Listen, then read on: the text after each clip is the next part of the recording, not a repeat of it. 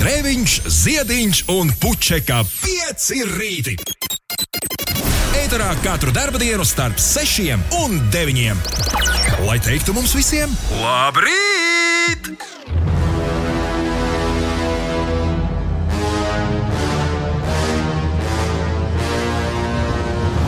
Kuku, kuku, kuku, kuku, kuku, kuku, Inesē, kuku, kuku. Labrīt. Prieks vismaz tevi redzēt. Man arī bija prieks pirms apgāzās. Tu kaut kur, aiz, tu kaut kur aizgājies. Ulas arī ir ieradies. Ulas arī daudzās pie pie virtuālajām durtiņām. Uldis du- daudzās pie durtiņām. Re, kur... Ulu nāc iekšā. Labrīt! Nāc iekšā. Jā, ieļot tev Kas jāieņem? Durtiņas, jā. durtiņus. Jā. Radio parasti cilvēkiem ir tās durtiņas, kuras jāieļo. Jo savādāk, ja viņas būtu labi ieļotas, tad neviens nezinātu, ka tās ir durtiņas. Elementārna. Tā, 12. datums, 12. janvārs šodien. Reinai, Reinholdam, Reinim un Renātam ir vārdu svētki. Jānim Skanim, aktierim dzimšanas diena, komponistai Selgai Mencei daudz laimes. Nacionālā teātra direktoram Jānim Vimpam ir dzimšanas diena. Zeins Maliks un Jeffs Bezos, popstārs, viņa dzimšanas diena. Hovardam Sternam šodien dzimšanas diena, leģendārākajam, iespējams, leģendārākajam dīdžejam, leģendārākajam, iespējams, Japāņu autoram, kāds jebkad ir bijis Haruki Murakami šodien dzimšanas diena. Tad vēl Kirstija Alēja, Alijas viņa dzimšanas dienu, uz Aksdela Roča no Rage Against the Machine un Melānija Čisholma, pazīstama plašāk kā Mela uh, Svin dzimšanas dienu. Jā, es biju ļoti pārsteigts, ka Latvijā uzrakuši viņas uzvārdu. Nevis, nevis rakstījuši Melsī. Jā, Čisholma. bet uh, vēl bija labs, uh, vēl bija rītīgi labs tas tur. Uh, Uh, Džefa Bezos uh, latviešu atveidojums, ko Uldis ir atradis kādā ziņu aģentūrā. Džefrijs Bizos. Jeffrijs Bezos. Džefrijs Bizos. nu, biznesmenis gal galā. As. Ne jau, neies jau nesaukt uh, kādā tur uh, citā vārdā. Labi, bet šīs dienas svarīgākajam jubilāram par godu man tomēr Audē Mencei. uh, man gribējās uh, uzlikt šajā rītā. Nu, rītrosmē bišķiņi, re, re, kur uh, gabalu, kur mēs reiz atradām kaut kādās ļoti dīvainās kasetēs. Un Санта Клаус. Человек из ниоткуда Санта Клаус. Микки Маус. Телерадио простуда Микки Маус. Un Йоган Штраус. Поиграй мне на рояле Йоган Штраус. Nē, ne jau strauss. Леви Страус Nē, nē. Подарите мне сандали Леви Страус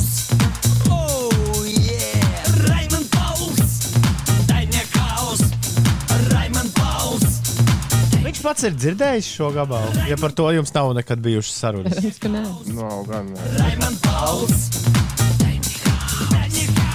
Dāmas un kungi, Raimondam Paulam šodien ne vairāk, ne mazāk kā 85. Nu, ko tad arī ar Oldu Raimondu atklājam šo rītu? Visapkārt Latvijā. Šeit Latvijas radio 5, 5 LV. Labrīt! Balto sniega stīgu! Balto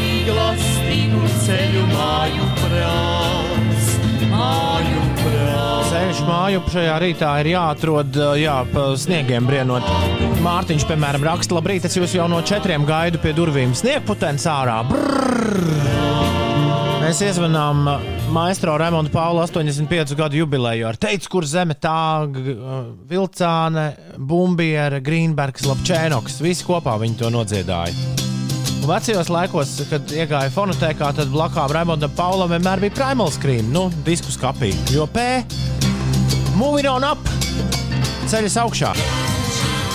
Es vakar treniņa laikā noklausījos ļoti ilgiem gadiem Primal Scream teicamo albumu Scream Delika. Tādi lieli albumi nemaz nav tik daudz. Labi, ja gribētu, tad droši vien mūzikas vēsturē kādu pārsimts uh, sanākt un saskaitītos, bet šis ir, šis ir kaut kas fantastisks. No pirmās līdz pēdējai sekundei, un pirmās sekundes jūs nu pat dzirdējāt. Te bija Primal Scream ar Moving On Up. Ir 11 minūtes pāri sešiem.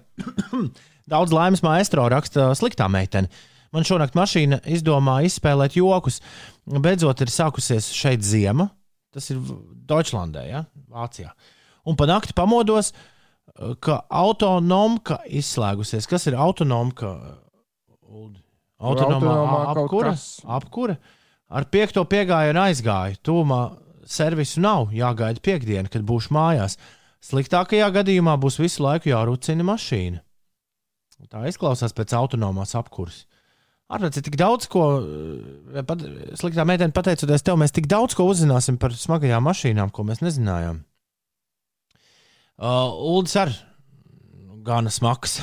Uldis raksta Somijā, ka nereāls putenis Somijā šorīt esot. Un, protams, kā likts tieši pēc trīs stundām jāsāk ceļš uz mājām. Ir pamatotājs doma, ka būšu krietni vēlāk, jo šķiet, ka arī Latvijā būs putenis.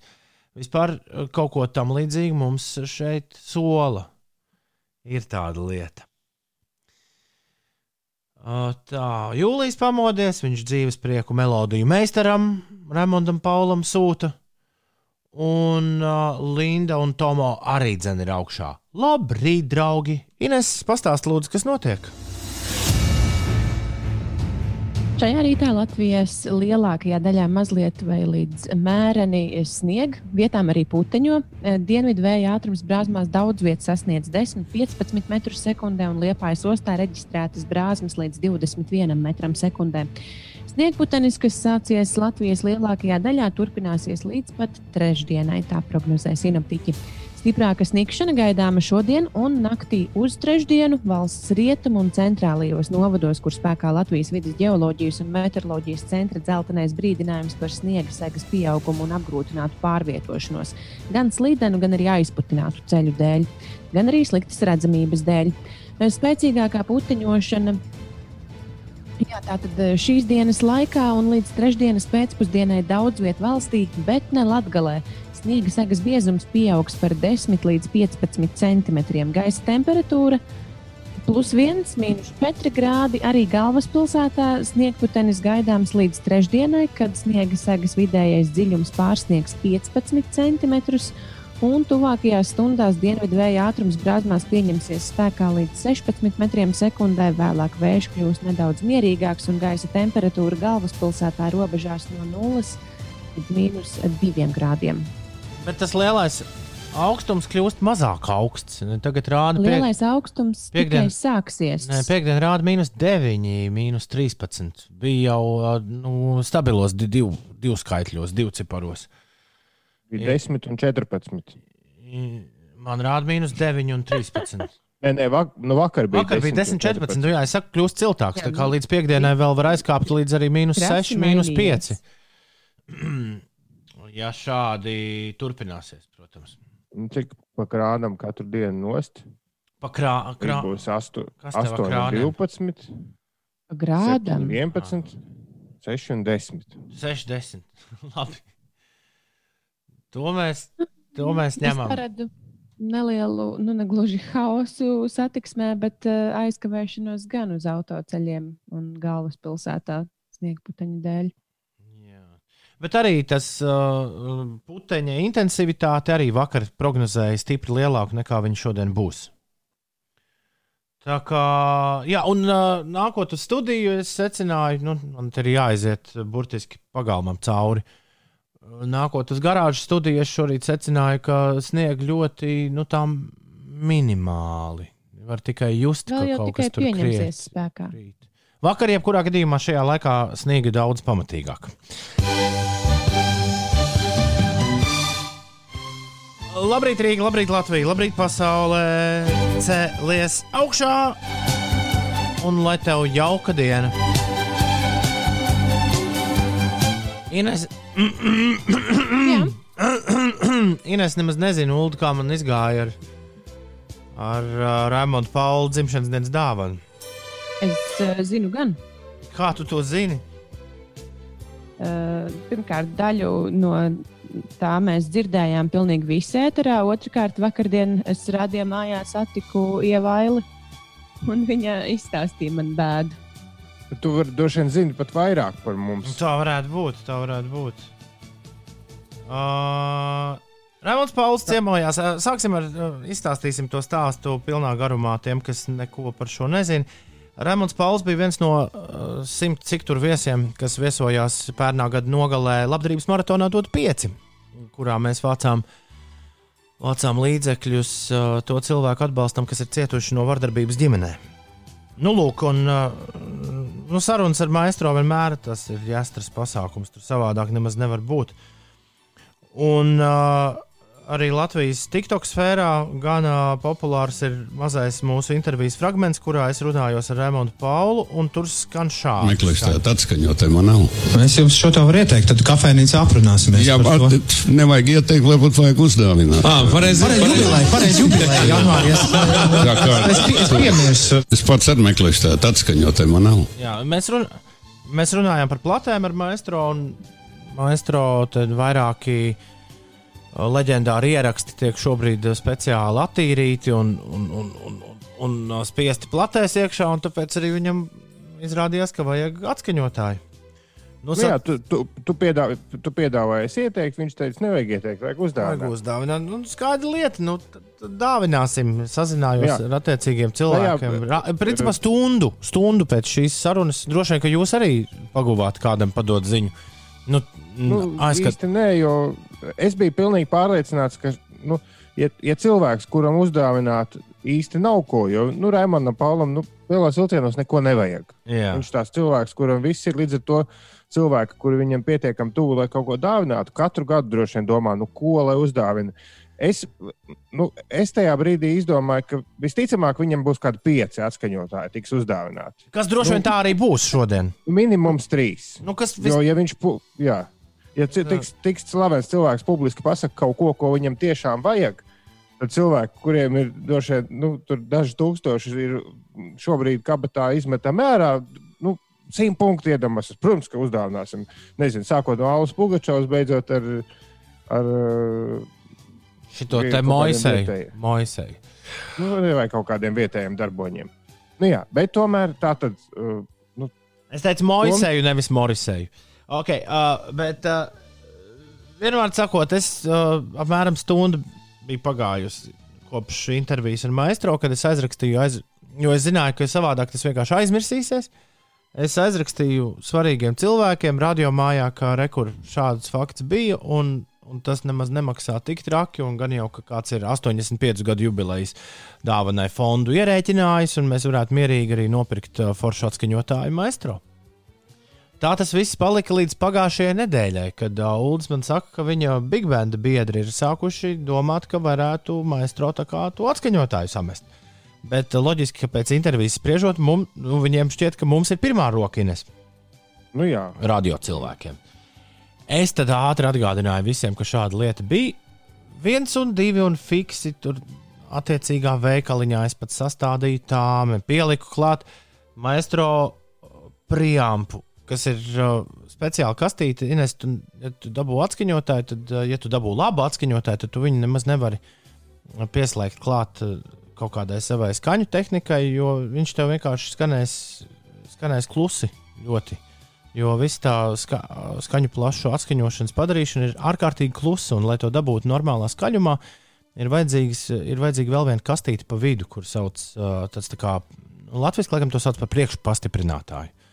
Es To pat visu var noklausīties. Mūsu mācīs ar pieci video, Instagram, TV.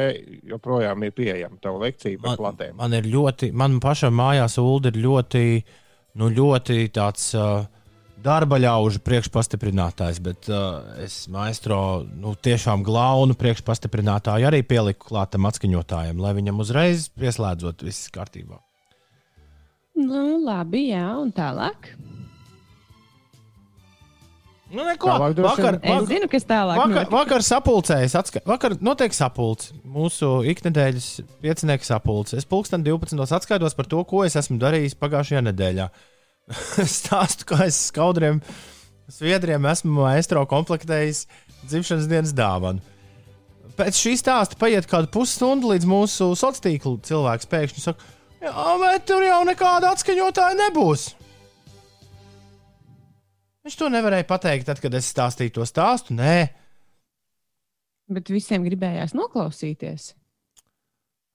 nu, vienmēr Ko sakot, tu cīnījies? vienmēr sakot, tie cilvēki, kuri ļoti priecājās par to, ka es, palī, nu, ka es tur to visu sakomplektēju un visu sadarīju, viņi aizmirst man pateikt, ka nekādu atskaņotāju nevajadzēs.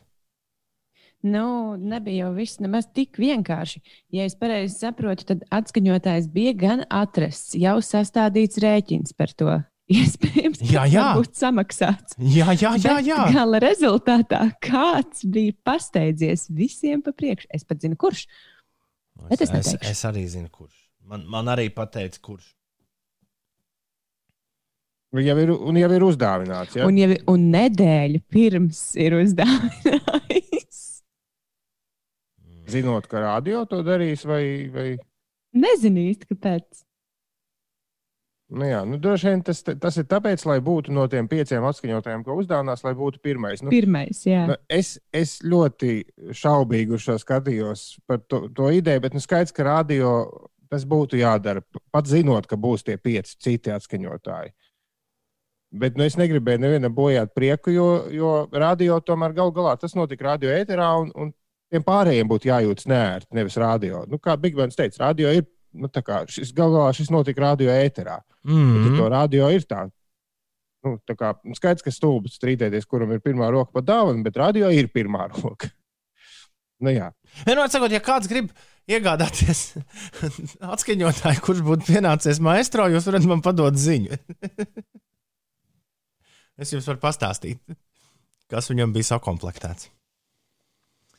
Es, tā kā mums ir ar maestro vēl paredzēta kaut kāda ieraksta nākamnedēļ. Tu noskaidrosi, cik Es atskaņotājs paprasīšu, cik viņš cik dabūja. viņš jā. dabūja. Un tu uzreiz Kur viņš tos liks? Var, jā, varbūt pa lēto var nu, jā, atpirkt kādas pāris. Tālūk. Raimondam Paulam šodien 85. Atskaņotāji daudz, bet neviens no mums. Tāds lūk, atlikums. Ir pus septiņi no rīta. Ar to feilu manā dzīvē Ines nav beigušies. Par, par vēl vienu es pastāstīšu pēc, pēc, Nevaru vien pēc sagaidīt. maza mirklīša. Jā, izrādās, ka pat mājās sēžot, var uh, failot non-stopā.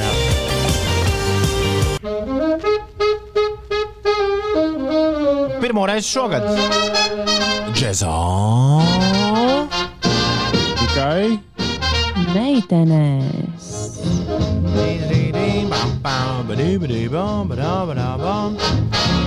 Vai es esmu pareizi no plašas skāpja izvilcis uh, Mingus Ahum albumu?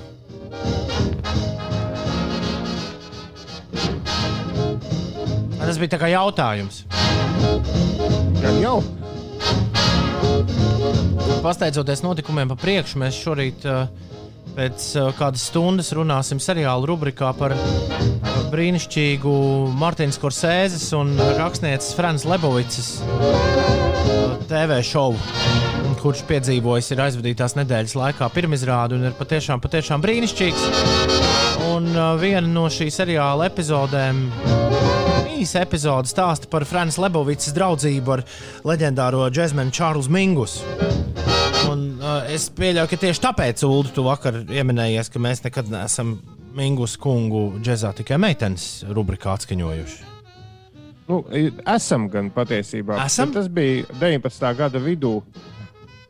Es, man jau likās, ka tas diezgan tāds uh, Tas bija jautājums, un es pēc tam Interesa- aizmirsu. interesants vārds. Uh, Interesants vārds, kur nu, būtu ļoti interesanti, ja mēs tiešām viņu nebūtu atskaņojuši. Jo uh, tomēr viena no uh, svarīgākajām Nu, figūrām Kāda starpība esam vai neesam? hardbopa un bebopa un, un, un avangarda džēza mm, rašanās mirklī viens no, viens no būtiskākajiem vīriem blakus, blakus uh, lieliem vīriem. Armstrongam, Ellingtonam, Parkeram, Gillespijam, Hankokam, Čārlis Mingus. Uh, Basa spēlētājs, ja tā mēs viņu sauksim. Kontrabasists. Jā, Kontrabasists. kontrabasists. Arī, arī, arī, arī, arī klaviermeistars, pianists, Kā tātad, mēs komponists. vakar uzzinājām, lielisks ēdējs. Jā, viņam ļoti garšojas ir visu kaut ko, visu kaut ko paēst. Un, jā, tādā džēza olimpā īpaši ierakstīta tā platīte, kur tad es šorīt arī esmu izvilcis, kur sauc Mingus Ahum. Un es domāju, ka tad par ēšanu mēs arī Goodbye Pork Pie Hat arī spēlēsim. Ja vien tas nav tas, ko mēs spēlējām tajā 2019. gadā. Nē, mēs spēlējām Bugijas tapu šafulu. No, tas ir trešais gabals šajā platē. Nu, re, tad šodien ir Goodbye Pork Pie Hat no Čārlza Mingusa. Uh, Džezā tikai meitenes. Jeb uh, Jā, šis ir- Džeziņš. Jā, eh, tas gan nav par ēdienu, tas ir eh, veltījums eh, Lesteram Youngam, kurš pazīst, kurš parasti nesājas pork pie hat. Tam Pork Pie Hat na- nav nekāda sakara ar cūkas pīrāgu. Nē, nē. Tā, tā ir cepurīte, kas atgādina vizuāli. Ah, žēl. Tūgaļas pīrāgu. Ko tu Ines gribēji teikt? Es negribēju neko teikt. Ah, nu, labi. Tad klausies. Čārlis Mingus. Kārtīgs Ņujorkas džeks. Šis ir ierakstīts Ņujorkā. Un kārtīgs Ņujorkas džekmenis. Čārlis Mingus šajā rītā džekā tikai meitenes. Tāda skumīga, bet ļoti, ļoti melodiska melodija. Un es tieši gribēju teikt, ka atšķirībā no citiem meistariem Mingus man vienmēr, Mingus mūzika vienmēr asociējusies ar to, ka tā ir ļoti, ļoti melodiska. Goodbye, pork pie hat. Šorīt no, no Mingus um, leģendārās uh, skaņu plates. ir, uh, ir 6,43 pareizais laiks. Nu, Ines, kas notiek? Nu, to pastāstīšu par sportu. Vakar jau bija zināms, bet eh, varbūt kāds nav dzirdējis. Tad izstāstīšu, ka Nacionālās basketbola asociācijas kluba Dallasas Maveriks spēlētājs Kristaps Porziņģis pēc ilgstoša rehabilitācijas posma laukumā varētu atgriezties jau pirmdien, O, kas, eh, kad viņa pārstāvētā komanda uzņems Ņūorleānas Pelikans spēlētājus. Tā vēstīja ASV avīze The Dallas Morning News. Un vēl par basketbolu. Latviešu basketbolists Dāvis Bērtāns vakar guva 18 punktus Nacionālās basketbola asociācijas regulārā čempionāta spēlē un palīdzēja Vašingtonas Wizards komandai izcīnīt uzvaru. Andrzejs Pasečņiks gan šoreiz spēlē nepiedalījās. Wizards savā laukumā rezultātu 128 pret 107 pārspēja Phoenixes Suns spēlētājus. Savukārt Latvijas hokeja izlases uzbrucējs Rudolfs Balcers ir iekļauts Nacionālās hokeja līgas kluba Otavas senators atteikumu sarakstā. Sportists sarakstā iekļauts kopā ar vēl sešiem hokeistiem.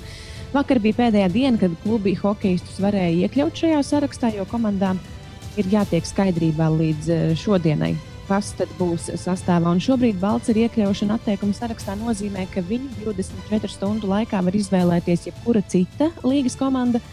Ja tas nenotiek, tad viņš kļūst par nu, tā saucamo rezervistu, kur, kurš vienkārši braukā līdzi savai komandai. Atgādināšu, ka NHL jaunā sezona sāksies jau 13. janvārī. tas tā kā tūlīt pat, tas ir rītdien. Šodien ir 12. Jā, Jā. šodien Jā, jau tad tas ir 12. rītdien. Nu, re. Nu, pēc Latvijas laika gan nu, no trešdienas uz ceturtdienu naktī. Nu, tad lai labi visiem dzīvnieciņiem, visām haizivīm, pingvīniem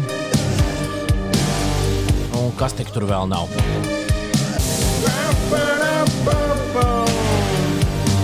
Es pirmo reizi pamanīju, Ulu un Ines, ka arī šajā dziesmā nav iztikts bez kolēģa daļradas citātu. Jā, kur? Es biju to palaidis uh, garām, uh, jā, šo skaņdarbu klausoties. Pašā 21. panta beigās, kur plīgos.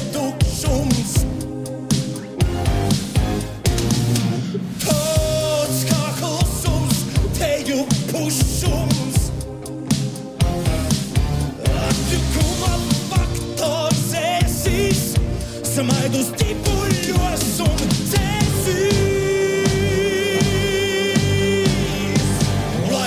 Jā, es pēc palaidu garām šeit. Sokas.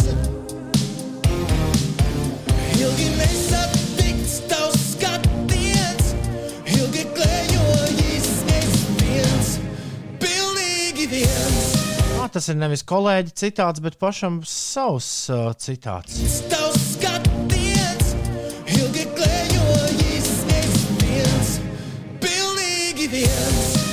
Es jau sāku neatšķirt uh, sējānu un busuļu balsis. Viņi abi divi ir pietiekami abi saspiesti uh, šajā dziesmā. Bet uh, citāts bija šis. Jā. Es muki. Es internetu vakardien arī runāju. Viņš, viņš arī bija noklausījies mūsu sarunu par šo dziesmu. Viņš bija tik priecīgs. Ah, Bet interesanti, ka tu biji tie, tu esi labākais uh, uztvērs kā popūrī. bet tā ir. Nu, vienkārši interesanti, jo man nekad tas nebija ienācis prātā. Vai tu vakar Interam pajautāji? Ko Nē, tieši? nu- Kas bija jājautā? Vai jā, ko jautāt? Jā. Vai tas tiešām ir domāts kā Nē, nē, populārs? nu, katrs jau saprot un dzird tā, kā pats dzird. Vienkārši interesanti, cik, cik, cik dažādi to var uztvert. Jo man likās, ka tikai tādi citātiņi salikti. Labrīt, šodien jābūt Rīgā. Vai varat pastāstīt, kāda laika apstākļi paredzami? Ērglim ar bērniem lidojumam no Liepājas uz Rīgu. Liepājā patreiz līst. Jā, Liepājā tas sniegs nav pārvērties sniegā, viņš ir visu laiku tikai brutāls gaisa- lietus. Kaut kas krīt, un, uh, ja brauc tuvāk Latvijas vidienē, tad tur jau tas lietus pārvērtīsies par sniegu, un sniegs visas dienas garumā, arī nakts garumā. Un autoceļi būs uh, slīdeni. Šobrīd, skatoties Latvijas valsts ceļu kartē, vieglāk ir nosaukt ceļus, kuri ir apmierinošā stāvoklī, nekā kur ir slīdeni.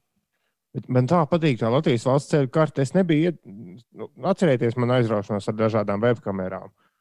Un tur ir, piemēram, no Liepājas līdz Rīgai ir 1, 2, 3, 4, 5, 6, 7, 8, 9, 10 kameras, kuras rāda, kā izskatās ceļš šobrīd. Mm -hmm. Porši. Tagad uh, 6,52 būs. Laika mašīnā.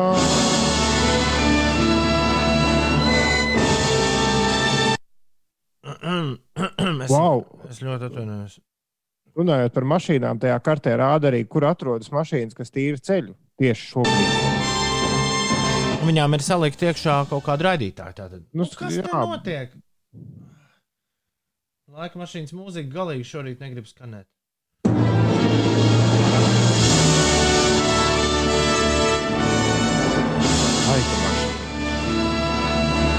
Tā, šorīt esmu nolēmis jūs visus pacienāt ar brokastīm, jo lielākajai daļai ar šo izpildītāju mūsu jaunajā laika mašīnā nebūs nekādu problēmu.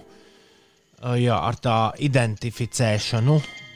Tas jādara rakstot uz 293, 202, nelietojot nekādus palīgu līdzekļus. Arī mūsu, tagad, kad es raidu no garāžas, arī mūsu players diezgan reti jums rāda mājaslapā, ko es atskaņoju, un nākamo dziesmu viņš nerādīs, kas tā ir, ko es atskaņoju. Jums jāmēģina pateikt izpildītājs. Tā tagad notiek uh, laika mašīnā, un uh, mēs dzirdēsim šīs, uh, šīs leģendārās balss, otro pagaidām visu laiku visveiksmīgāko skaņdarbu, tīri komerciāli viņas dzimtenē. Es pieļauju, ka pēc uh, radiostaciju atskaņošanas uh, datiem un naudas, ko piemēram Latvijas uh, ja, autortiesība aģentūra ir viņai aizskaitījusi, šī pat varētu būt dziesma numur viens. Bet uh, tehniski tā ļoti atpaliek no viņas visu laiku viskomerciāli veiksmīgākā grāvēja. Bet labi, ko es te daudz? uh, klausieties, nu, kas tad šī ir pa divu šorīt? Laika mašīnā.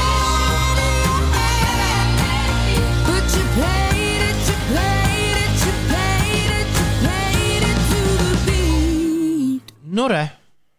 6,58 zinās, tev šorīt tā lieliskā Tieši- iespēja.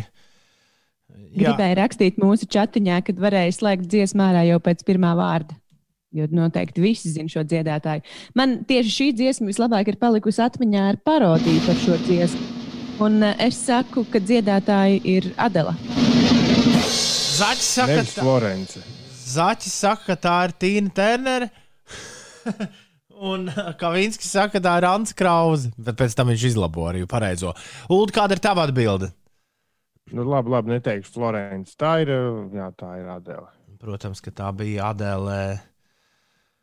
Adēles Rolling in the Deep šorīt uh, laika mašīnā skanēja, un visi, kuriem nebija slinkums atsūtīt uz 293, 202, īziņu, ir tikuši pie kaut kā garšīga pie leduskapja.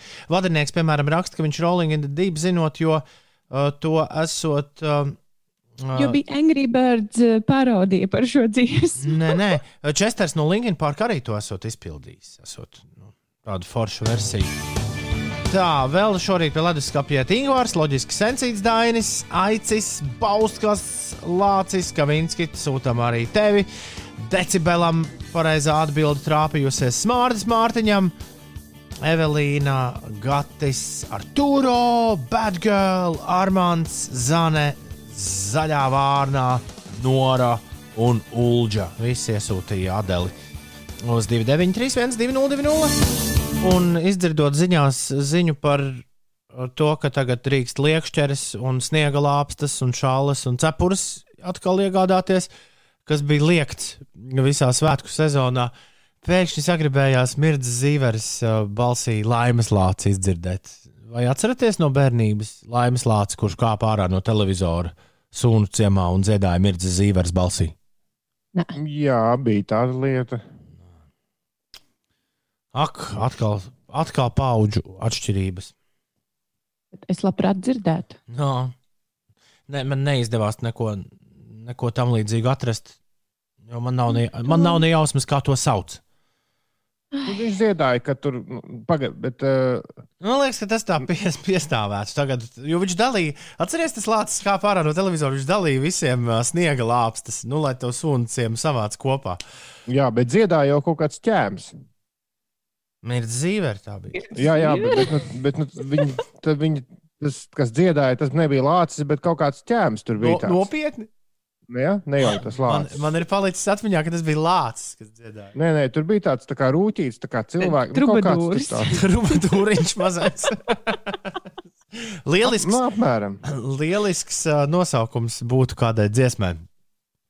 Piemēram, grupai Sadonlaits varētu būt dziesma. vai Trubadūrs un laimes Nē, lācis? pirmais kurs - Sūna ciema trubadūrs. Tā varētu arī kādu grupu saukt. Dzies, dziesminieku drīzāk. Dziesminieku drīzāk. Uh, labrīt, visapkārt. Uh, nu, apsveicu ar, ar to, ka kaut ko vēl vairāk. Ziniet, kas man visvairāk veikalos, uh, veikalā drīzāk, es tikai vienā esmu. Gan uh, droši vien par pa regulāru, bet uh, mēdzu iegriezties vismaz reizi nedēļā vienā veikalā. Un šajā veikalā man ļoti mulsina. Es vakar pirku Rīgas laika jauno numuru un apstājos pie preses sadaļas. un Man tiešām, tiešām ļoti mulsināja tas, ka visi bērnu žurnāli ir pārvilkti ar no to aizsardzības lentu. Kā, ja? Nu, nu kādā Nebūs sakarā? jums risināt bērnu krustvārdu Nu, mīklu. apmēram. Nu, bet, nu, nu, kura loģika? Nu. Nu, mēs katrs esam diezgan kaut kādā mērā dusmīgi vai mazāk dusmīgi par to preču sarakstu. Tā. Protams. Uh, Bet kā tas preču saraksts tapa? Bija tā, ka sākumā pateica, ka vienkārši nevarēs rūpniecības preces, un tad tirgotāji prasīja sarakstu vai, ne, vai kaut kā tā. Es nezinu, vai tirgotāji prasīja sarakstu, bet ekonomikas ministrija šo sarakstu izveidoja. Un man liekas, ka bērnu žurnāla tas iemesls ir nezinu, tas, ka tur tas rotaļas. Nu, svarīgi jau kā tas viss ir nu, iegrāmatots tajā veikalā. Es pieļauju, ka tāpēc ir tāda jocīga atšķirība, ka tos žurnālus var, bet tos nevar. Bērnu žurnālā tur visādas rotaļlietas nāk līdzi. Bet, nu, tagad saraksts ir papildināts ar dažām dažādām lietām. jā, Piemēram, bet zārkociņu sveces, zārkus, aploksnes var pirkt. Juhu, sērkociņš un zārks. Vispār jau zārks jāteic pašam. Tāds- Jā, un jāglabā jau sen bija pirts augšā. Tā dziesmā bija teikts, tā dziesmā bija teikts. Tā, uh, paldies uh, Ainarčikam, paldies Evitai un Ivetai, kur man labo, ka Olga ir esot bijusi tā, kas dziedājusi laimes lāču dziesmu. Un vislielākais paldies Raivo, kurš ir principā pildījis producentu pienākumus. Es tev atsūtīju. Kur tu man atsūtīji? Es tev aizsūtīju, un laiks ir no 8.30. Nevis tas, ko Raivo raksta. Vai es esmu uzgriezis īsto failu tagad? Ai, 8.30. Nu, Jā. Ines, klausies. Te tev būs sūna ciemā trubadūrs.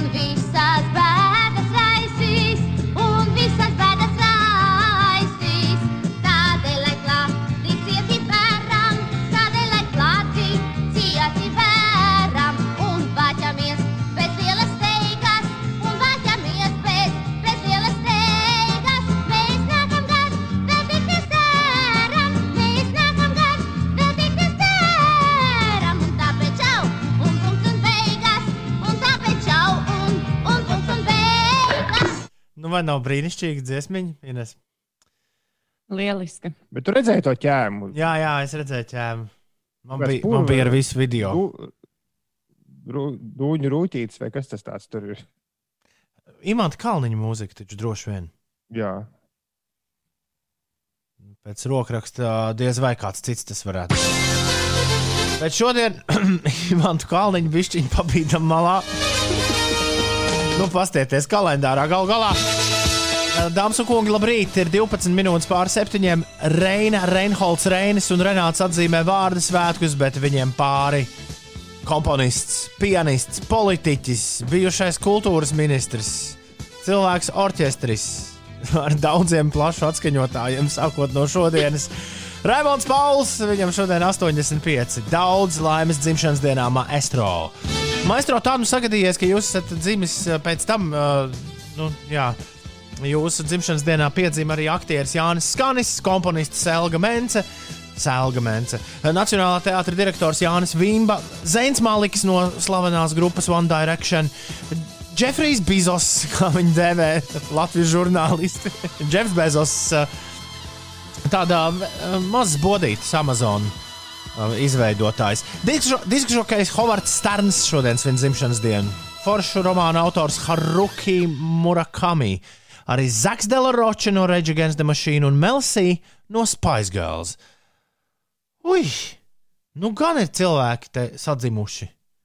Nu, atcerieties, ka vakar vai kad vispār nebija jubilāra. 12. janvāris kaut kādā tāda kosmiski maģiska diena. Un man atkal viena maistro plata izvilkta ārā no skapja šajā rītā, šajā brīdī. Tā jaunā, restaurētā. Tur otrais gabals ir šis. Ar tevi mīļais draugs, ar tevi vien.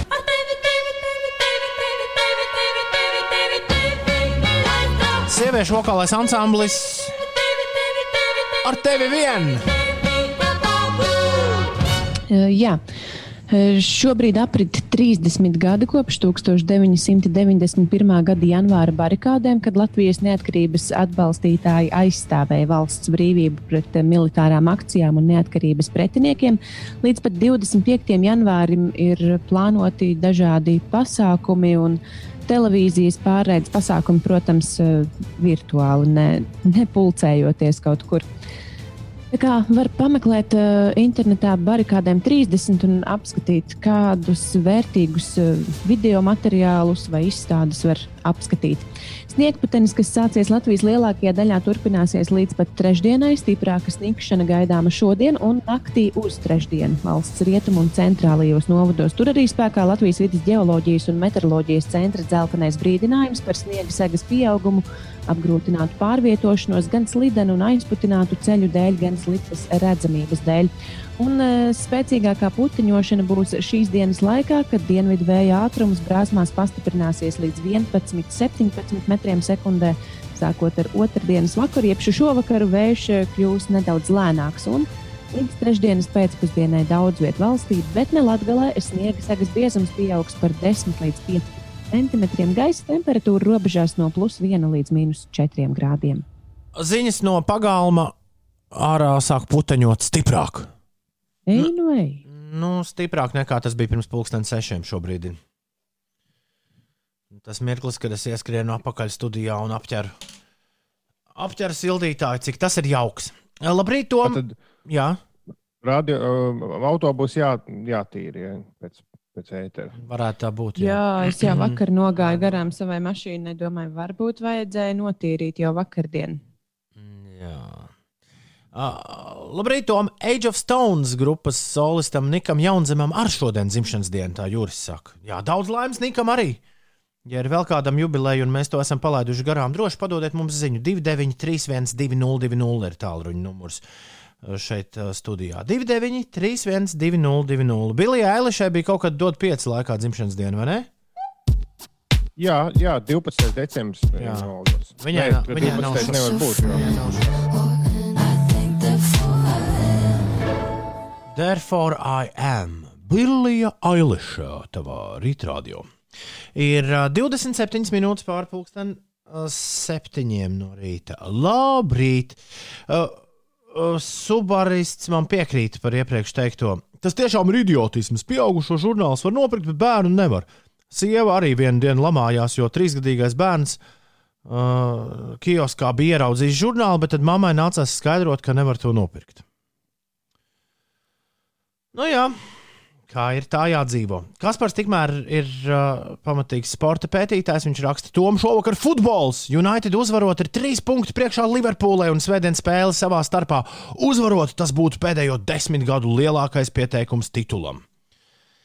Jā, ir uh, foršs. Ir viens no retajiem mirkļiem, kad uh, ir foršs brīdis būt Manchester United atbalstītājiem. Tiesa, vajag vēl šovakar, desmitos vakarā pret Burnley. United čempionu titulu pieteikumu spēle šovakar. Es tik rīt no rīta pamostoties dabūšu labās ziņas. Cerams, cerams, ka labās ziņas. Mosties agrāk un skaties. Ierakstā, jā. Jā. Un Lai vēl nekur neviens nenospoilo, rezultātu nezinu, izslēdz ārā sociālās Jā, tīklus, jā, četros jā, pamosties. jā, jā. Un tieši pirmais netīši tieši kā spiestu podziņu, lai skatītos. Tā... Nekas, nekas iztiks ar kaut kādiem highlightiem vai, vai kaut ko tam līdzīgu. Ir ā, 7,29 minūtes. Ines ir nolēmusi papildināt savu mājsaimniecību ar jaunu aparātu. Un viņai ir Nu, nepieciešams padoms. Inesai ir nepieciešams padoms. Nu, klausos. Jā, man liekas, ka man vajag tādu aparātu, bet var jau būt, ka nē. Es domāju, ka man ir jāiegādājas gaisa mitrinātājs, jo es esmu veiksmīgi nobeigusi jau veselas divas palmas savā dzīvoklī. Un pati arī no rītiem mostos tāda kā mazliet apžuvusi rozīna. Nu, man liekas, ka gaiss ir pārāk sauss un, un ir ļoti, ļoti silts dzīvoklī.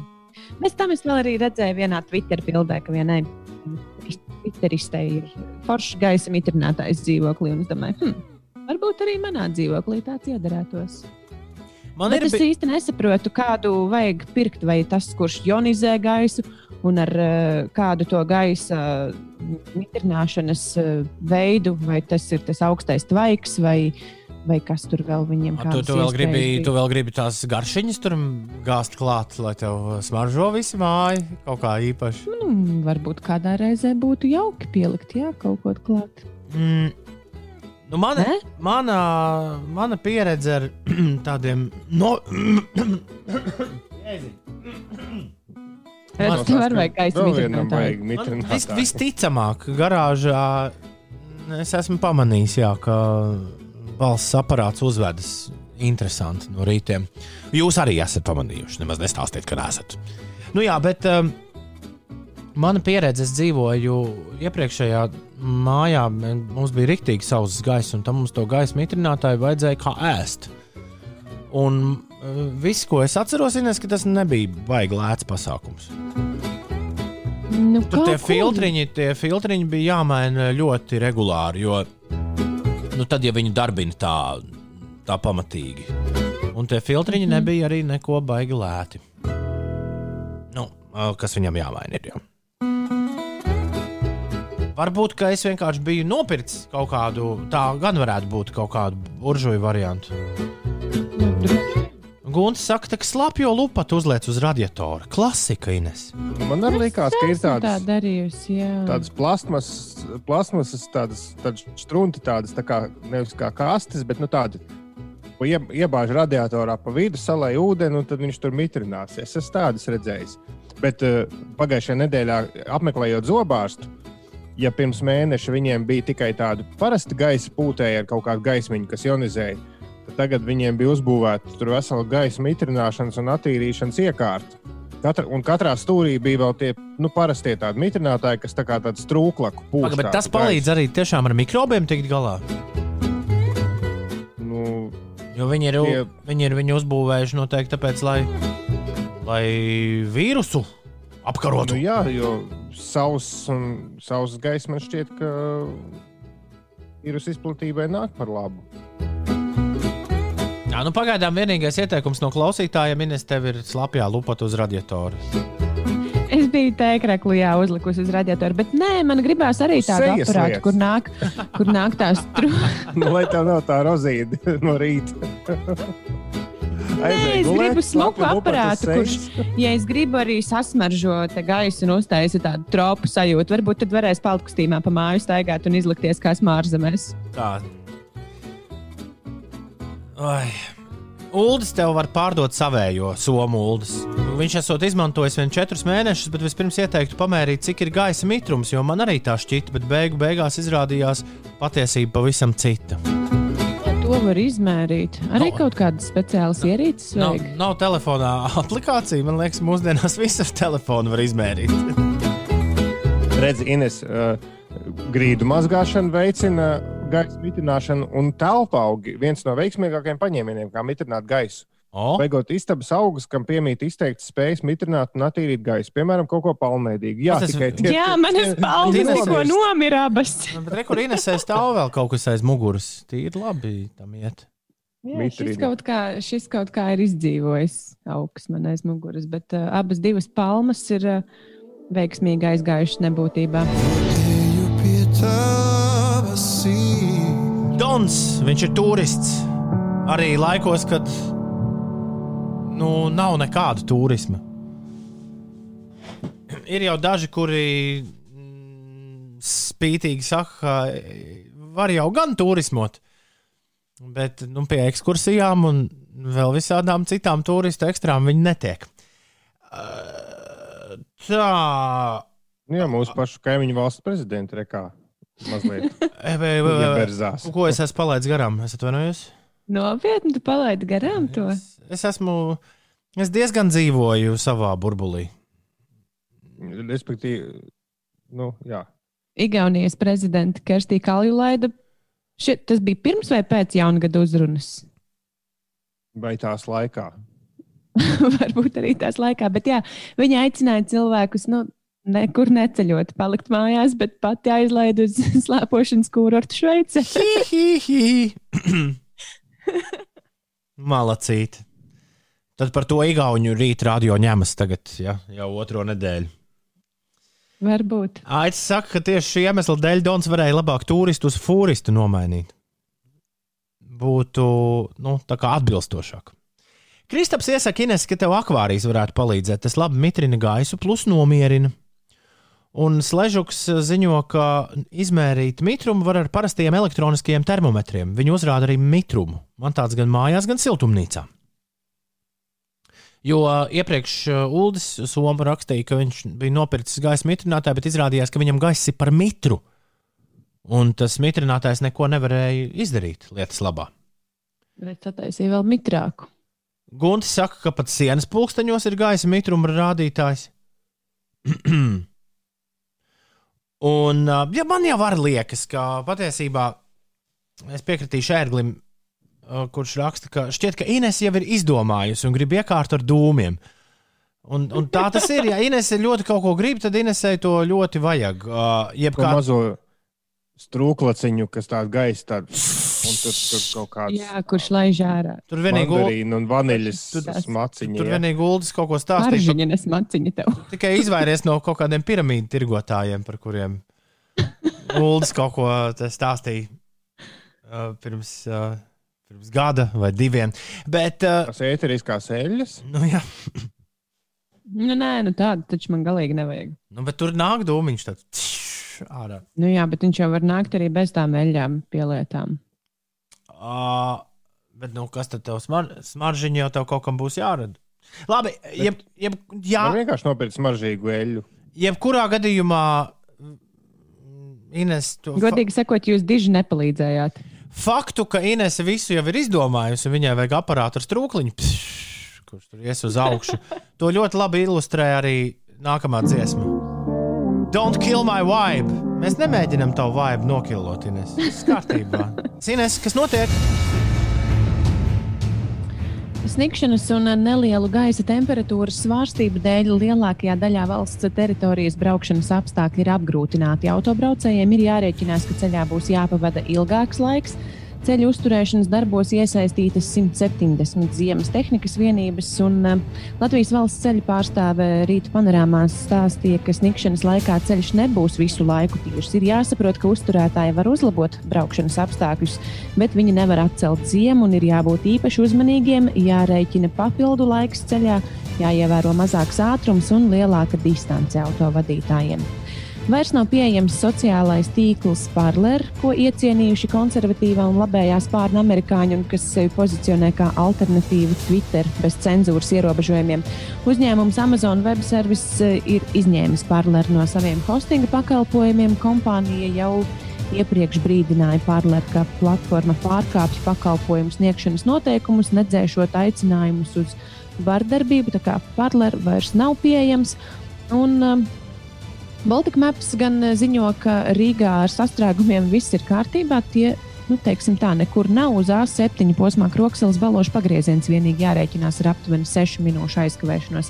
Citviet gan viss ir kārtībā, kas šajā rītā ir ļoti iepriecinoša ziņa. Lūksim jūsu palīdzību, ja gadījumā manāt, ka kaut kur notiek ziepes uz ceļa. Padodiet ziņu 29, 31, 20, 20. Vecais labais izziņas numurs. Izziņu numurs ļoti labi darbojas arī mājās. Mēs varam saņemt jūsu ziņas 29, 31, 20, 20. Mājasēdes radio turpinās ar rubriku, kur sauc Pieci rīti skatās TV.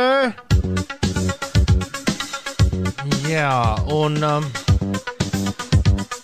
es vakar pirms gulēt aiziešanas Ines un Ulu paskatījos arī to Netflix seriālu, kas šobrīd ir pozīcijā numur viens Latvijā. Bet par to mēs runāsim nākamajā otrdienā. Tas labs, nākamajā. tas labs jautājums, vai mēs par to runāsim kādreiz. Bet uh, var skatīties, nu, tā laikam tas tas sausais atlikums. Jā, ja kā, es pieļauju, ka daudz līdzīgi kā Ulas vakar ir ieplastām acīm ieraudzījuši Netflix topā pozīcijā numur viens uh, franču seriālu, franču seriālu Lupēnu un domā, kas tas tāds ir? Kāpēc, kāpēc tāds tur uzrādījās pirmajā vietā? Ļoti izklaidējošs un smadzenēm galīgi nepiepūlošs uh, saturs. Jā. Visiem, kuriem spiegu gabali patīk. Man tas rīktīgi patiks. Man tas lika aizdomāties par to, vai ir kāda jaunuma par James Bondu dzirdēta, Uldi. Nu, nē, viss ir uh, atlikts. Ā, Martā rādīs kinoteātrī. Ja? nē, Man liekas, ka viņi konkrētu datumu uzlika. Bet varbūt es to nosapņoju. Jebkurā gadījumā James Bonds nav, un tāda gabala kā Lupēna ļoti labi aizpilda James Bonda nēsamību, manuprāt. Labi, bet uh, šorīt mēs runāsim par kaut ko pavisam, pavisam citu. Vēl viens jaunums, kas ir parādījies Netflix platformā pavisam, pavisam nesen. Un šis ir jaunums, par ko atbildīgs ir neviens cits, kā ne tikai fantastisks spēļu filmu režisors, bet arī skaudri labs dokumentālists Martins Skorsēze. Tikai atšķirībā no citiem dokumentālistiem, Martins Skorsēze ir tāds dokumentālists, kurš dokumentē tikai draugus. Un principā uh, es zinu divus. Viens ir Bobs Dilans, kur viņš ir divreiz dokumentējis, ne, trīs reizes pat uh, sanāk, jā, uh, kārtīgi dokumentējis. Nu, un uh, otrs draugs ir dāma, kur ir dokumentēta arī nu, jau otro reizi šajā, uh, šajā jaunajā seriālā, ko ir iespējams skatīties uh, Netflixī. Frana Lebovica, tātad uh, jā, rakstniece. Un Netflixā dokumentālais šovs Iedomājies, tā ir pilsēta. Pretend it's a city. Izliecies, ka tā ir iztēlojies. Nu, jā, tas Fra- ir Fra- viens un tas pats. Tā Fra- arī sanāk. Frāna Lebovica un Mārtiņš Skorsēze. Uh, jā, tādā ļoti interesantā veidā, septiņu īsu sēriju izskatā mūs ved cauri mm, tādām uh, foršām atmiņām par Ņujorku, par uh, lielo ābolu, kuras, uh, kuras un tās atmiņas, iespējams, viņi ir vienīgie, kas atceras. Es ceru, ka kāds tūlīt pārņems runāšanu no manis, jo es neesmu uzrakstījis sev galvā visu tekstu, ko es vēlos par šo pateikt. Es noskatījos tikai pirmo sēriju. Okay, Uh, Ines, Ulu, tu tiki tālāk? Nē, nu izstāsti savu, savu sajūtu. Ah, nu, tas, kas man visvairāk patika, bija tā maniera, kā šī kundze runāja par Ņujorku. Nu, viņa bija tik ļoti, ļoti tāda grumpīga, ka tu vienkārši skaties un, un priecājies par to. Jo, nu, es uh, mazliet saskatīju līdzību arī ar sevi. Es arī mēdzu pa ielu iet un burkšķēt par to, ka cilvēki neprot lietot ielu un pilsētā uzvedas tā, it kā viņi tur vieni paši dzīvotu. Brauc ar velosipēdu pa ielas ietves vidu vai iet uh, ar iepirkuma maisiņiem un aizņem pilnīgi visu vietu uz ielas un nepaiet ne pa labi, ne pa kreisi. Nu, tā ļoti egoistiski. Un šī sieviete pirmajā sērijā arī. Uh, nu, nosacīti sūdzējās vai, vai jokoja par tām neiedzībām, kādas ir Ņujorkā. Man, man patika. Jā, tad īsum, kas tad īsti notiek? Tiem, kas tiem, ne, neatšķirtināja, kas īsti tas ir, tas ir seriāls, kurā, kurā ir vienkārši divu cilvēku, patiesībā viena cilvēka monologs. Tur mazliet tas korsēs, dažreiz smejas. par kādam Viņš jautājumam. viņš smejas lielākoties galvenokārt. smejas. Jā. Ir redzams ļoti jauks Ņujorkas ainas. E, Tā ir savā ziņā tā ir kā ekskursija pa Ņujorku. Gan laikā, gan, gan vietā. Gan par Ņujorkas pagātni, gan par Ņujorkas uh, ievērojamākajām vietām, nu, par Ņujorku kā pilsētu. Un viņi vienkārši stāsta, viņa ir lieliska stāstniece, kā jau rakstniece. Un, eh, tāpēc jau Ines ir tas uh, seriāla nosaukums Pretend it's a City, jo viņa, viņa vienkārši kādam cilvēkam tā ir teikusi. Nu, Iedomājies, ka šī ir pilsēta un te vēl kāds bez tevis dzīvo. Nu, ka šeit dzīvo cilvēki. Un, jā. Bet eh, es, es skatoties, es noskatījos divas sērijas un mazliet iesāku trešo, un es sapratu, ka kāpēc man šis viss liekas nu, ikdienā dzirdēts. Tas, tā izklausās visi tie uh, aktieru podkāsti, ko es klausos gan arī katru dienu, kur nu, dažādi slaveni cilvēki intervē citus slavenus cilvēkus. Kā divu labu draugu saruna, bez kaut kāda tur uzspiesta nu, tāda intervijas standarta jautājumiem, un, un, un, un skaidrs redzams, ka viņi abi jūtas labi viens otru sabiedrībā. Man tas atgādināja pirmkārt podkāstu, un otrkārt ļoti atgādināja Comedians in Cars Getting Coffee uh, seriālu, kur arī koncepts ir tieši tāds pats. Ļoti bieži figurē tā pati Ņujorka. Ir vienkārši draugi, kas, kas draudzīgi plāpā par šo un to bez kaut kāda uzspiesta mērķa un tā. Un ļoti forši līdz ar to ir tāda brīva saruna uh, par dažādām neiedzībām Ņujorkā un iedzībām. Es tiku vis tālāk, es noskatījos piecas uh, epizodes šim, un es teikšu tā, ka tomēr Uldi ir bijis vienu soli tālāk, Skursēzem izdevies tikt šo visu jā, jēdzību un neiedzību sarunu atrādot, jo caur Ņujorku nav. Nav parasta pilsēta. Un cilvēki, kas dzīvo Ņujorkā, tie pavisam noteikti atšķiras no cilvēkiem, kas dzīvo citās pilsētās. Un uh, man liekas, ka tā, nu, Skorsēzim ir izdevies uh, dabūt to, ko viņš droši vien bija ar šo visu iecerējis. Un droši vien viņš to ir arī iecerējis ar iepriekšējo dokumentālo filmu, kas iznāca pirms desmit gadiem, kur kaut kas ļoti, ļoti līdzīgs notiekot. Uh, HBO paspārnē. Uh, tāda 2010. Uh, nāca klajā, nepateikšu, gan kā sauc, bet uh, jau toreiz tātad, uh, ar Frānu Lebovicu viņš šādu vizuālu eksperimentu bija veicis. Bet tas pats svarīgākais, ka viņam izdodas caur šo uh, Grumpy Cat Lēdiju, man liekas, uzzīmēt uh, fantastisku Ņujorkas portretu. Un tas, kā viņš to precīzi papildina ar dažādiem arhīvu kadriem, īstajās vietās, īstajā laikā, dažkārt pat tev liekas, paga, kādā, kādā sakarā man tagad to rāda, un tad tas kaut kā saslēdzas kopā. Tas ir, tas ir unikāli. Un, ā, tāpēc vēlreiz teikšu to pašu, ko sākumā Mārtiņš Skorsēze ir izcils dokumentālists, un tas ir kārtējo reizi pierādīts Pretend It's a City šovā. Un, un, un vēl man liekas, ka tur nu, viss notiek tik ātri, un Ines un Ulu, un tik daudz, kas tur ir iekšā, ka šī jau varēs skatīties arī otro, trešo, ceturto reizi, un visu laiku būs tā sajūta, ka, ej, pagaidi, rekur, šī to es palaidu garām iepriekšējo reizi skatoties. Jā, lai uztvertu kaut kādas nianses, vai ne, par ko, par ko viņi runā. Un, uh, Tieši tā kā tu arī teici, ka interesanti jau ir paskatīties tieši to faktu dēļ, tā, nu, tās Ņujorkas uh, iepazīšanas dēļ, pilsētas kā tādas. Nu Jā, un, ja tev gribas aizbraukt uz Ņujorku, tad šis ir ļoti labs Jā. uh, aizvietotājs. Precīzi. Pretend It's a City. Meklējiet to Netflix platformā. Oh. Man ir dalītas sajūtas par šo Edu Šīrana jauno gabalu. Afterglow. Bet, uh, nu, gan jau jaunais uh, tēvs zina, ko dara. Un uh, ir kaut kāds iemesls, kāpēc tieši ar šādu dziesmu pēc garas pauzes Šīrans ir atgriezies. Tas bija Ed Šīrana jaunais gabals Afterglow. Man šķiet, mēs to nekad nebijām vēl. uh, 2020. 21. gadā un vispār nebijām klausījušies agrās rīta stundās, rīta radio. Ja kādam ir kāds, kāds skaidrojums, kāpēc tieši šāda uh, šī ir atgriešanās dziesma, nu, kāds oriģināls skaidrojums, droši atrakstiet 293, 202, Laimes Lācis sunu ciemā bija Olga Rajecka, nevis Eģis Šīrans, raksta Arnis. Ha, ha, ha! Very funny! Diplomāts ceļā uz darbu ir novērojis, kas notiek ar sāli, ko sētnieki izkais uz ielas, un tam pāri uzsniegs sniegs. Arī uzsnigušais pa virsmu izkūst. Es, protams, ir forši slidināties ar klasisko piedziņu, bet ceļa posms Dobela Jālgava ir vienkārši neciešams. Esiet ļoti uzmanīgi, tā raksta kāds autovadītājs. Un vispār nedaudz logus vajag ziemā pavērt guntis, Ines, tev atgādina, jā?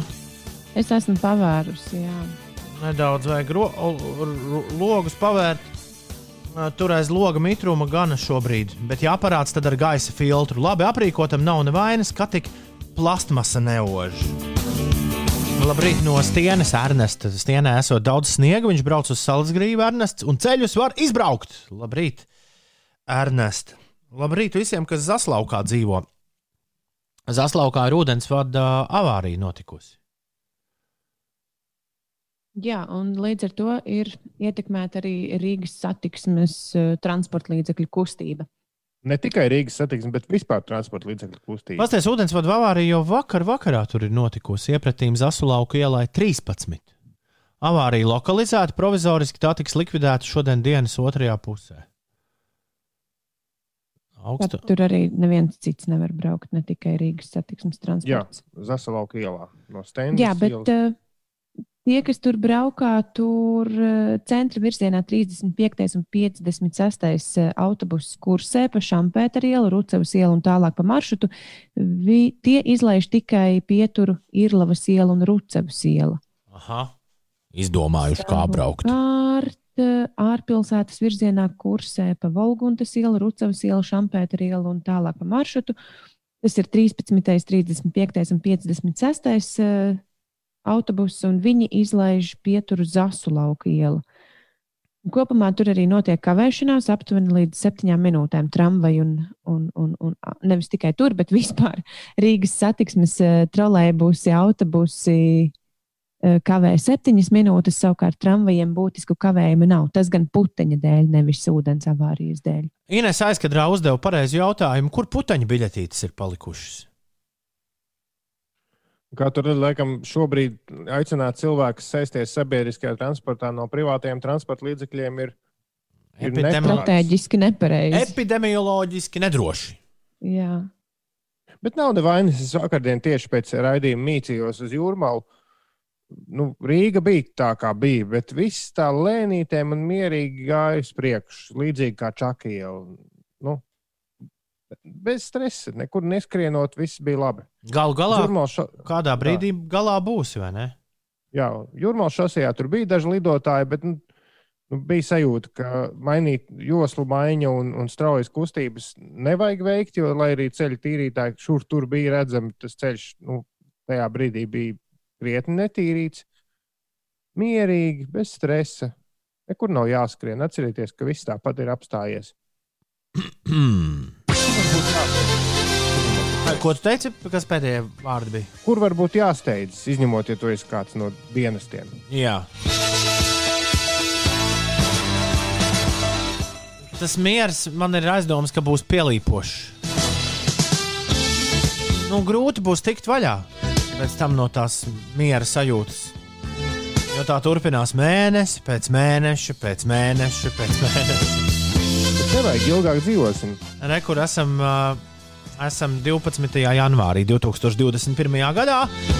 Katrs savā mājās, bet joprojām rīta radio ēterā. Reinai, Reinholdam, Reinim un Renātam šodien vārdu svētki. Sveiciens jums, draugi, mīļie! Un Lai viss feini. Daudz laimes dzimšanas dienā komponistam, pianistam, politiķim, arī kultūras ministram bijušajam. Raimondam Paulam daudz laimes, Jānim Skanim, aktierim daudz laimes, Selgai, Selgai Mencei, komponistei daudz laimes, uh, Nacionālā teātra direktoram Jānim Vimbam dzimšanas diena. NMPD direktorei Lienai Cipulai dzimšanas diena. Liena izturību, stipru veselību un neaizmirst smaidīt. Tā koda mums ir atrakstījusi. Zenam Malikam un Jeffam Bezosam dzimšanas diena, Hovardam Stērnam, Haruki Murakāmi, Zakam Delaročam, Melānijai Sī un Age of Stones solistam Nikam Jaunzemam. Pasties, daudz un dikti mums jubilāri. Un Aminatai bija sestdienas dzimšanas diena, tāpēc mēs to ļoti veiksmīgi palaidām paši garām. Nu, vismaz rīta stundās, bet varam jau apsveikt arī uz apakaļ. Daudz laimes, Aminatā! Rekur, Aminatas, šis ir mans laiks. Šis ir mans laiks. Gan skarbs, gan maigs, un sāp man vaigs. Labrīt! Laiciņš ārā labinieks raksta Striķu Jānis, bet man liekas, to man baigi nepatīk ziema. To man viss kaut Nu, kas, tad tur īsti to, ir? to, to man viss kaut kas nepatīk, to man viss kaut kas arī patīk. Bet, uh, nu kā var salīdzināt to, to, kā tu jūties ārā, ar to, kā tu jūties tad, kad ārā ir plus 22 un tu guli dārzā? O, jā, un klausies, kā putni dzied. Tas laika tad ir tajā gulēšanā, nevis tajā, kā ir ārā. Ko kā ir ārā? Ārā ir forši, tā, kad ir plus 22 un putni dzied un maigs vējiņš uzpūš. Nu, jā, bet ziemā jau neguļ ārā. Ziemā dara citas lietas. Es vakardien gāju vakarā pusē. Jā, ziemā apķer, jā, ziemā apķer uh, radiatoru un pavada laiku eterā. Visu laiku sildot rokas. Ne, nu, vienkārši ir, ir, ir lietas, ko vajag darīt ziemā, un lietas, ko vajag darīt vasarā. Bet, bet visu laiku gulēt vējiņā taču arī nav forši. À. To tu pasaki tiem, kur pārceļas uz siltajām zemēm pa ziemu. Vai viņi tur ir laimīgi? Nu, un Atslēga nav, laimē, nav ir, arī dzirdēts, ka baigi nelaimīgi. laimē un ilgā mū, ilga mūža atslēga. Viena no atslēgām, tas gan nav mans, bet Kanādas uh, aktieru izgudrojums. To stāstīja Mārtiņš Šorts, ir tāds slavens komiķis. Ka viņam ir teorija, ka Kanādas dažādie gadalaiki ir viena no atslēgām, kāpēc Kanādā cilvēki ir tik daudzreiz jaukāki par amerikāņiem, un mierīgāki un jautrāki. ka tas, ka ir četri gada laiki, ka tas esot atslēga uz laimi. Kaut nu tā būtu. Kaut nu tā būtu. Jā, Reka Ingūns piekrīt arī par četriem gadu laikiem. Nav viesuļvētras. Kur tu pastaigājies vakar? Kāpiem? Kur Ah, tu vēl? skaidrs. Skaidrs. Ir pienācis laiks mums mambulu repu paklausīties beidzot šorīt. Ok, šis bija nedaudz bīstams. Es atgriezos 15 sekundes pirms dziesmas beigām no tējas pauzītes. Labrīt! Visapkārt! Ārā, ārā puteņojā 8,22. Svīst gaismiņu, lai gan nekad nesapratu, kāpēc svīst. Mm, Un, Jā, es modināju attālināt to skolnieciņu. Tas bija viens no iemesliem, kāpēc es nedaudz aizkavējos. Attālinātais. Jā, Tikko viņam sākas tur stundas. viņam viena Kas? ir deviņos. Forši. Tās ir. Tās drīzāk ir. Tās ir oficiāli jāsauc. Par to mēs droši vien rīt parunāsim. Bišķi vairāk. Tas ir brīvlaika nodarbības. Bet, eh, bet, bet jā, viņam ir angļu valodas brīvlaika nodarbība pulksten deviņos. Un es modināju, un arī pirmā lieta, par ko mēs runājām, bija tā, ka pasties gaismu jau var redzēt. Un tā ir forša sajūta. Jā. Tikko uh, vārdienas uh, gaviļnieks dziedāja, apsveicam. Jā, mēs viņu arī, es domāju, apsveiksim ar to dziesmu, ko Andrejs vēlējās, lai mēs viņu apsveicam, jo tur ļoti labi sakrīt vairākas pozīcijas kopā. Bet uh, līdz tam mums vēl ir jānonāk. Ir 8,23. Pareizais laiks. Ines, pastāst, lūdzu, kaut ko jautru un interesantu.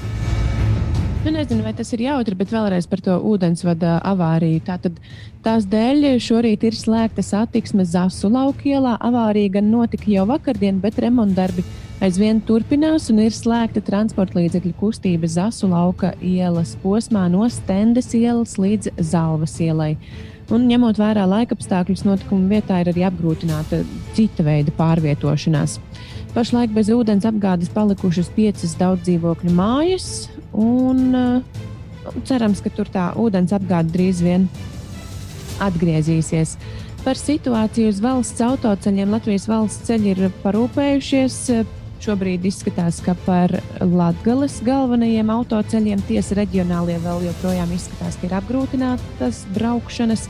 Un uh, citas lielās šoseis, teiksim, Liepājas, Ventspils, Ainažu vai, vai Valmieras šosei, tās ir uh, slidenas atsevišķos uh, posmos. Un Slideni izskatās, ka ir gan reģionālie, gan valsts nozīmes autoceļi valsts centrālajā daļā un vidzemē. Par Rīgas ielām Baltika Maps ziņo, ka Rīgā sastrēgumu nav. Jūrmālas gatavē ir jārēķinās tikai ar 4 minūšu kavēšanos, un līdzīga situācija arī uz A7 posmā Kroksilas balošu pagrieziens. Tur gandrīz 5 minūtes. Atgādināšu, ka šīs dienas laikā visā valsts teritorijā sniks un putinās.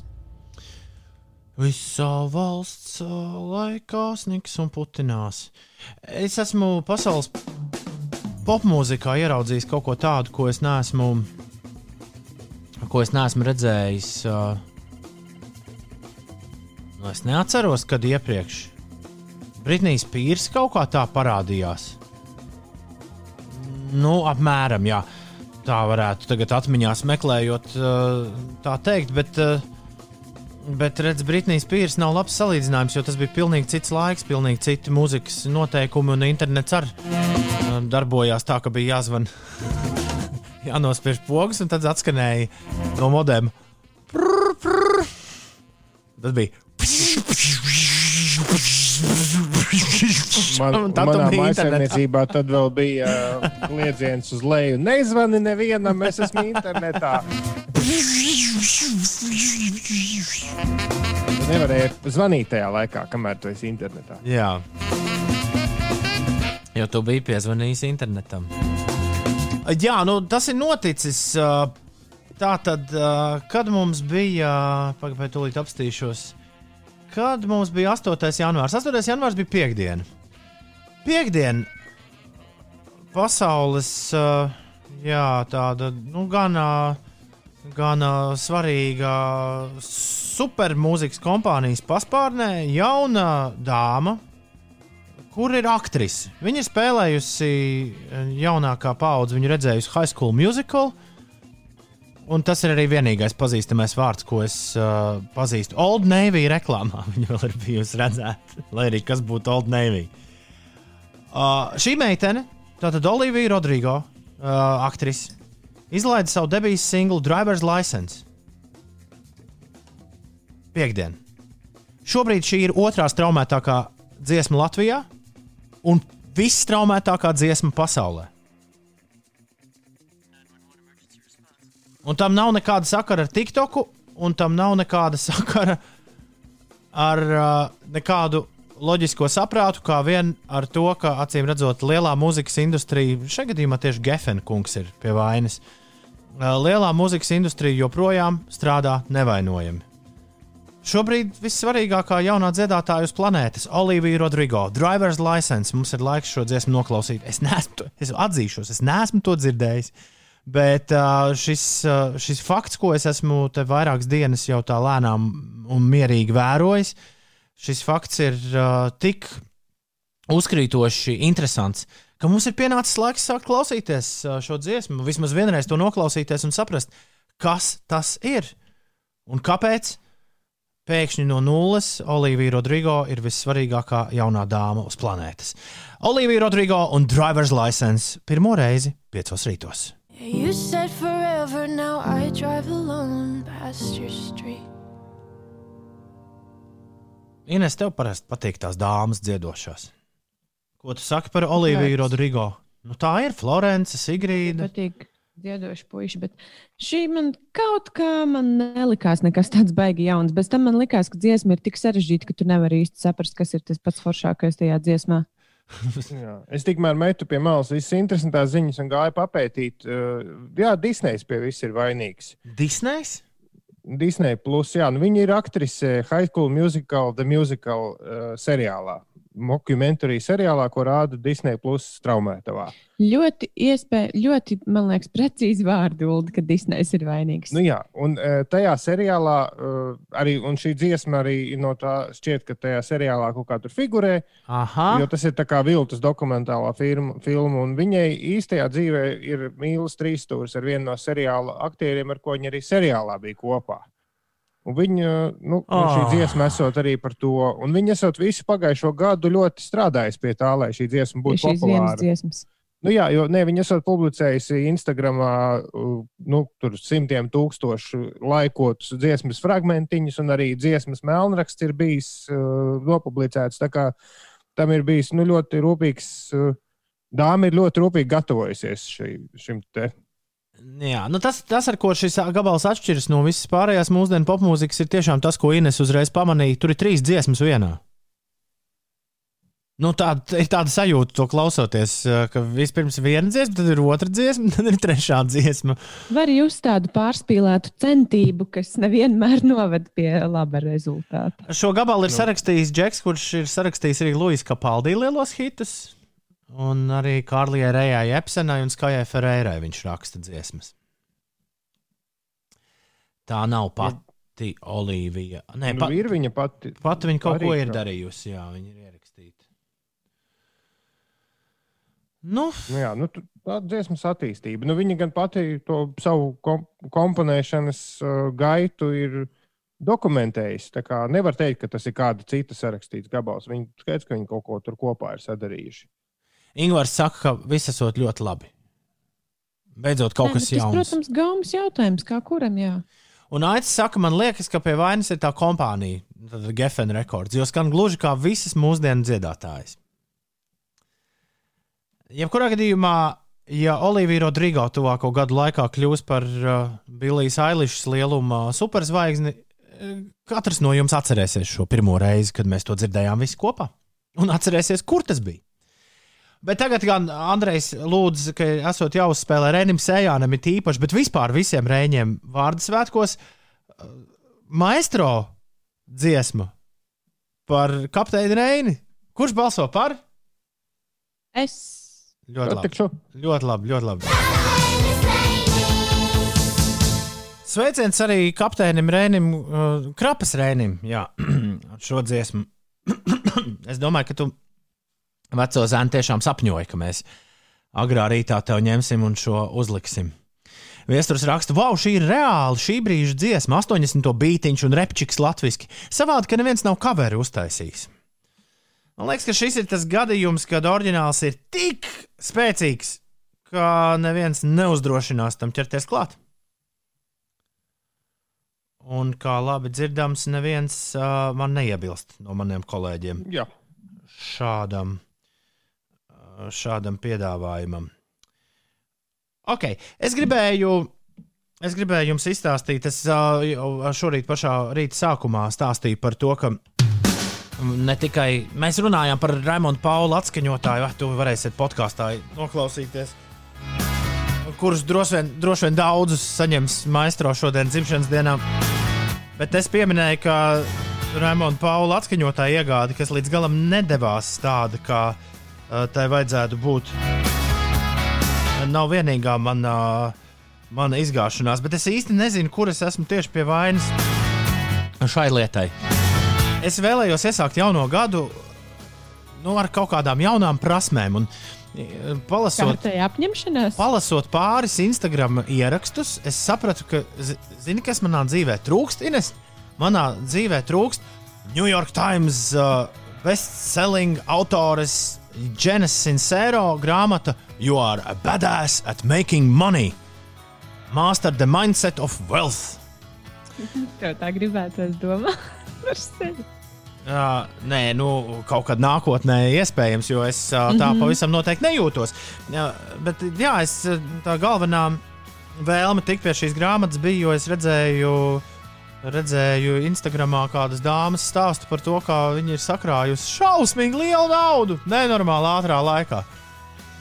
Nu, nenormāli liela nauda, un man likās, pagaidi, izrādās, ka jā, ir, ir arī ne tikai ne, kondo metode, kā sakārtot māju, bet izrādās, ka kaut kādā veidā var arī, var arī šādi samācīties krāt naudu. Labi, bet uh, es neesmu šo lasījis, es nevienam to pats nerekomendēju, es neko vēl pagaidām par šo nezinu. Bet es iegādājos šo grāmatu, uh, tad uh, skatījos internetu veikalā. Uh, pasaules lielākajā internetu veikalā šis ir arī ļoti labs apsveikums uh, Jeffam Bezosam dzimšanas dienā. Uh, skatījos vairākas iespējas šo grāmatu iegādāties, un vairākās cenās, sākot no tur 15 eiro cietajos vākos, beidzot līdz šādam izdevumam, kurš maksāja 5 eiro. Es tagad skatos, šobrīd maksā 5 eiro un 47 centus. Un es pat esmu atvērts. sākas ar pirmdienu, Ko lūdzu? vai nedēļa sākas ar pirmdienu šajā grāmatā? Nē, nē, sāk, sāks tos. Uh, nē, nu te ir kur aprakstā viss ļoti labi rakstīts. Jens Sincero channels inimitable sass and practically. Nu, un, un jā, viss vis tur, visam tur ir jābūt. Independently published. English 120 pages. Tagad skatieties, es Inesēju un Uldim nodemonstrēšu, kas ir grāmatā iekšā.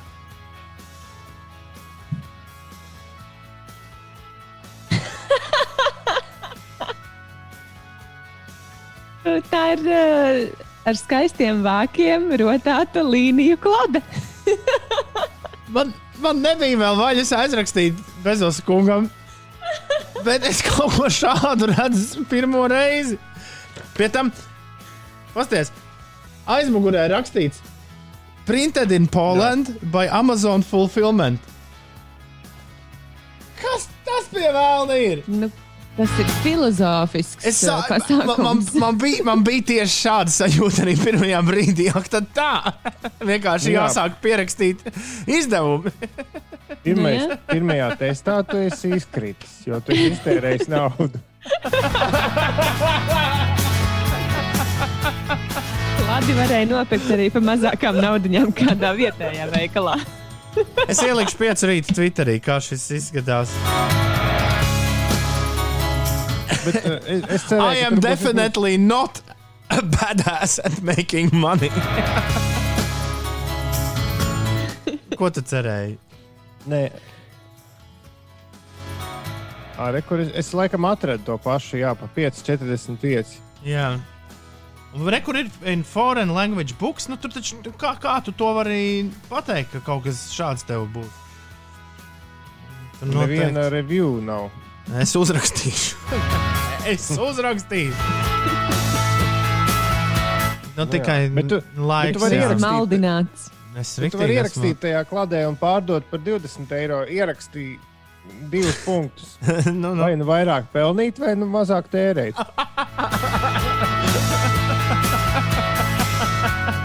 Vispār nedzīvot pāri saviem līdzekļiem. Šāda lūk, pagaidām ir beigusies mana izglītošanās uh, 2021. gadā. Jā, nu vismaz dēlam klāte būs. Tā ir labā ziņa. Rūpībām uz vāku. Ir, as- tas, tās nav rūpības. 8,44 minūtes ir uh, pareizais laiks. Ines, pastāsti, kas notiek?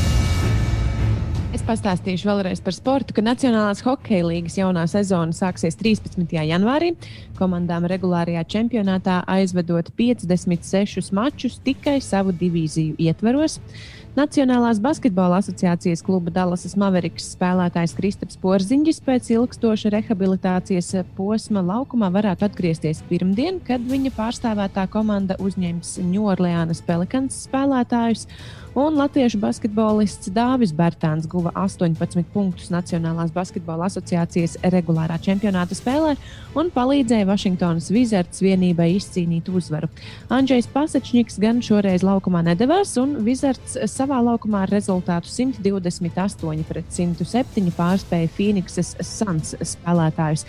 Viena ziņa, ko es visu šo rītu gribēju pastāstīt, Salkrestu pludmalē pie Baltās kāpas esot novērota samērā reta dabas parādība - ledus bumbas, ko pasaulē mēdz saukt arī par ledus olām. Tās veidojas ļoti specifiskos apstākļos. Jūras ūdenī izveidojas neliela ledus gabaliņi, kas vēja un vienmērīgas viļņo, viļņošanās dēļ riņķo un griežas ūdeni, un tad pakāpeniski tās eh, apauga ar, ar vien ar jaunām ledus kārtām, līdz izaug par pamatīgām ledus bumbām. Kā salkrastos tādas esot krastā. Es nospiedu pie grāmatas Get Product Support, un man parādījās, Sorry, product support isn't available for this item. Bet tu, tu vari uzrakstīt review. Es varu uzrakstīt, write a product review. Jā. Starp citu, jūs uh, dzirdējāt tā stāstu, ka uh, Šmamazona uh, sveču aprakstos, parādoties Covid, uh, sāk biežāk figurēt vārdi, uh, ne, nav jūtams aromāts. nu, jau pazūd, nu, jau pazūd doža. Un, Cilvēki saņem uh, sveces un sūta atpakaļ un uzraksta Jā. piktu recenziju. Tomēr tas strādā. Pieraksti katrus izdevumus, pēc tam izjūt cauri, sapratīs, bez kā varēja iztikt ar laiku. Automātiski neņems šīs pozīcijas. Uģis ir pamodies. Viņš raksta, čau, pieci rīt. Ļoti sen nesmu jūs klausījies. Darbs no mājām ļāvis celties vēlāk. Jauki dzirdēt jūsu balsis. Mēs uģi arī mazāk agresīvu mūziku spēlējam. Māja stāves, nē, Mājas sēdes laikā. māja sēdes laikā. kā kuram? Nē, mēs te Mums visi, reizēm pieceļas kājās. mēs visi trīs tomēr sēžam runājot. Katrs uh, savā mājā. Bet mēs jā, spēlējam mazāk agresīvu mūziku, ļoti tādas arī dvēseliskas kompozīcijas, kā, kā piemēram šo brīnišķīgo Sufjana Stevens skaņdarbu.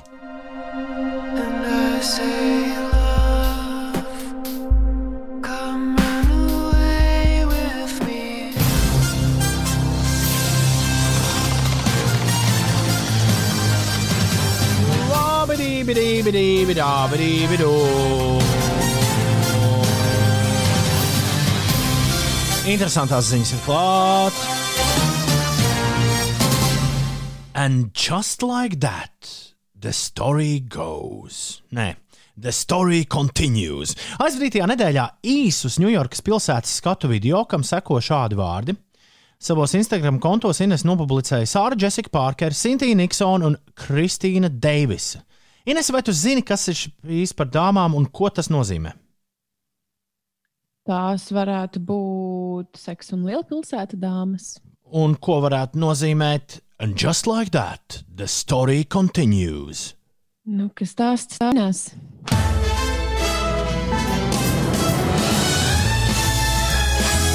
Tieši tā! Seks un lielpilsēta ir atpakaļ! Bet ir viena lieta, kas satrauc fanus, un arī mūsu Instagram video ir nopublicējušas tikai trīs aktrises. Kur ir Samanta? Kā presē stāsta, pa- Samanta laikam ir vismīļākais uh, tēls šajā seriālā. Nu, jā, jo viņi ir seks, pārējais tur ir City. Kā presē stāsta pati Kima Keitrela, viņa tiešām ir pielikusi punktu savām attiecībām ar Sex and the City un jaunajā HBO Max 10 epizodu limited series seriālā And Just Like That. Viņa nebūs redzama. Kurš tad skatīsies šo? Tālāk, jā. Klīst baumas, ka viņa esot saplēsusies ar pārējām dāmām, taču aktrises to noliedz, sakot, ka Samanta nebūs šī stāsta daļa, bet viņa vienmēr būs daļa no mums. Lai ko mēs darītu? Jautājums paliek, vai seks un lielpilsēta bez Samantas ir seks un lielpilsēta? Savukārt fani tikmēr izklaidējas, sacerot teorijas par to, kā jaunā seriāla scenāristi būs tikuši vaļā no Samantas. Viņa noteikti būs vienkārši pārvākusies dzīvot uz kaut kurien citurien. Šis Nu, būs, šis ir būs easy peasy. Nu, jā, bet ir arī skumjais scenārijs, jo viņai taču bija arī slimība. Varbūt ka būs izvēlējušies iet pa tumšo tā. Bet tas nozīmē, ka ir pilnīgi izslēgta jebkāda atgriešanās nākotnē. Turpinot par um, televīzijas uh, tēmu, vakar Inês Dikts apriecājās gluži tāpat kā daudzi ieraugot Instagram. Peaky Blinders jaunās sezonas reklāmu ar Mr. Bīnu Hitlera lomā. Jā, Diemžēl, ieskatoties pat šajā plakātā, var redzēt, ka šis ir fan art poster. Un, um, jā, tās ir tikai un vienīgi baumas, un Mr. Beans nav, nu, Rovans Atkinsons nav apstiprināts Hitlera lomā jaunajā sezonā. Ai, Bet uh, lab, labā ziņa, uh, Piki Blenders sestā sezona būs. Lai arī te bija jābūt jau šajā pavasarī, bija nu, jābūt ek uz ekrāniem, nu, kā viss pasaulē, viss mazliet apstājās.